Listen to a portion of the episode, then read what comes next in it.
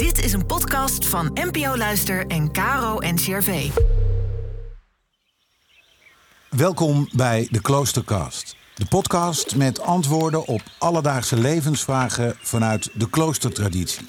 Inspiratie voor je dag.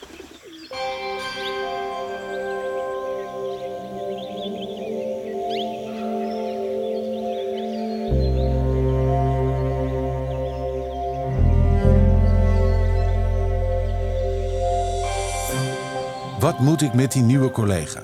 Waarom zou ik luisteren naar mensen zonder ervaring? Maria van Mierlo heeft wel een idee.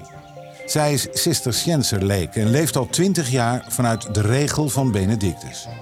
Zij vertaalt eeuwenoude kloosterwijsheid naar de wereld van vandaag.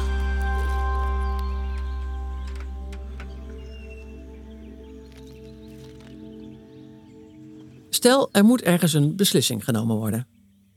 Degene die beslist kan natuurlijk in zijn eentje gaan zitten nadenken over wat hij moet doen. Hij kan ook iemand om raad vragen en dan iets beslissen. Hij kan overleggen met anderen. Als je ZZP'er bent, neem je besluiten in je eentje. Als je CEO bent van een groot bedrijf, heb je met meerdere mensen te maken en een raad van bestuur. Dan is het altijd goed om een besluit dat velen gaat raken ook met velen te bespreken. En niet alleen omdat je dan een breed draagvlak creëert, maar om iets anders.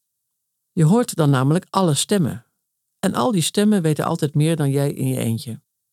Dat is de ene kant. De andere kant is dat het voor degenen die de kans krijgen om mee te praten goed is dat er naar hen geluisterd wordt. Als je ergens werknemer bent, vind je het fijn als de baas zich iets van je aantrekt. Als je een kind bent, is het fijn als je moeder hoort wat je zegt. Dus het is voor beide kanten prettig en goed als er onderlinge communicatie is.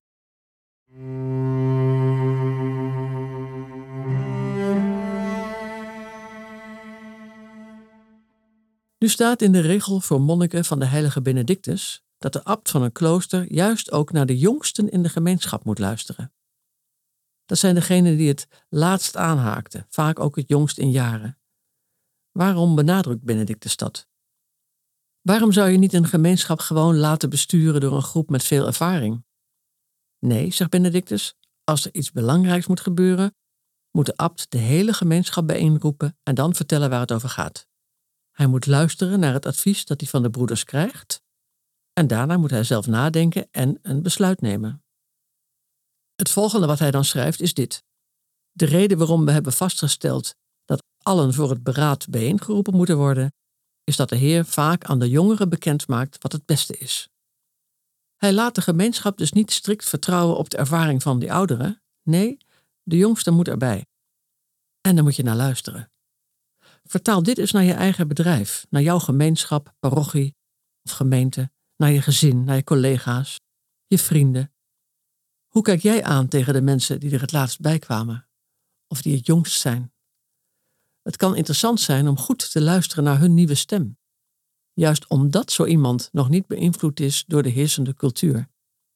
De jongste, de laatst gearriveerde, heeft nog geen last van de geschiedenis, is nog nergens aan gewend heeft nog een frisse blik.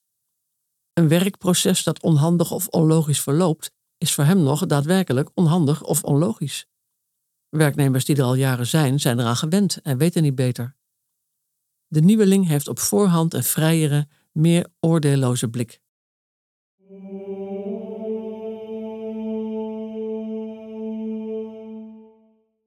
Online is er een mooi filmpje te vinden van kinderen die een klusje moeten klaren en daarna hun beloning ontvangen steeds in duo's van een jongen en een meisje.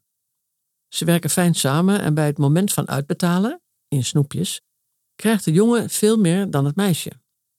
Het onbegrip van die kinderen dan. Waarom krijg ik meer dan zij? Omdat je een jongen bent. Maar we hebben toch even hard gewerkt? Ja, maar toch verdient zij minder omdat ze een meisje is. De kinderen accepteren het niet eens en gaan die snoepjes alsnog eerlijk verdelen, maar mijn punt is dat eerste besef van juistheid.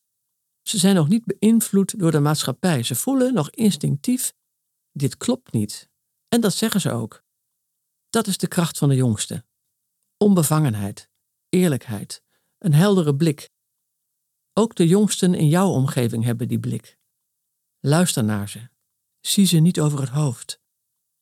Ze kwamen niet voor niets op je pad. En wie weet wat ze je vandaag te melden hebben.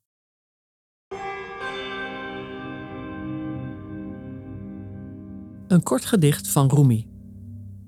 Het kind in je. Nederigheid kleineert niet, maar maakt groot. De weg naar eenvoud voert naar wijsheid. Een vader vertelt zijn kind een verhaal. De luisteraar vertelt, de verteller luistert. Vader en kind worden een en al oor. Vader en kind worden één.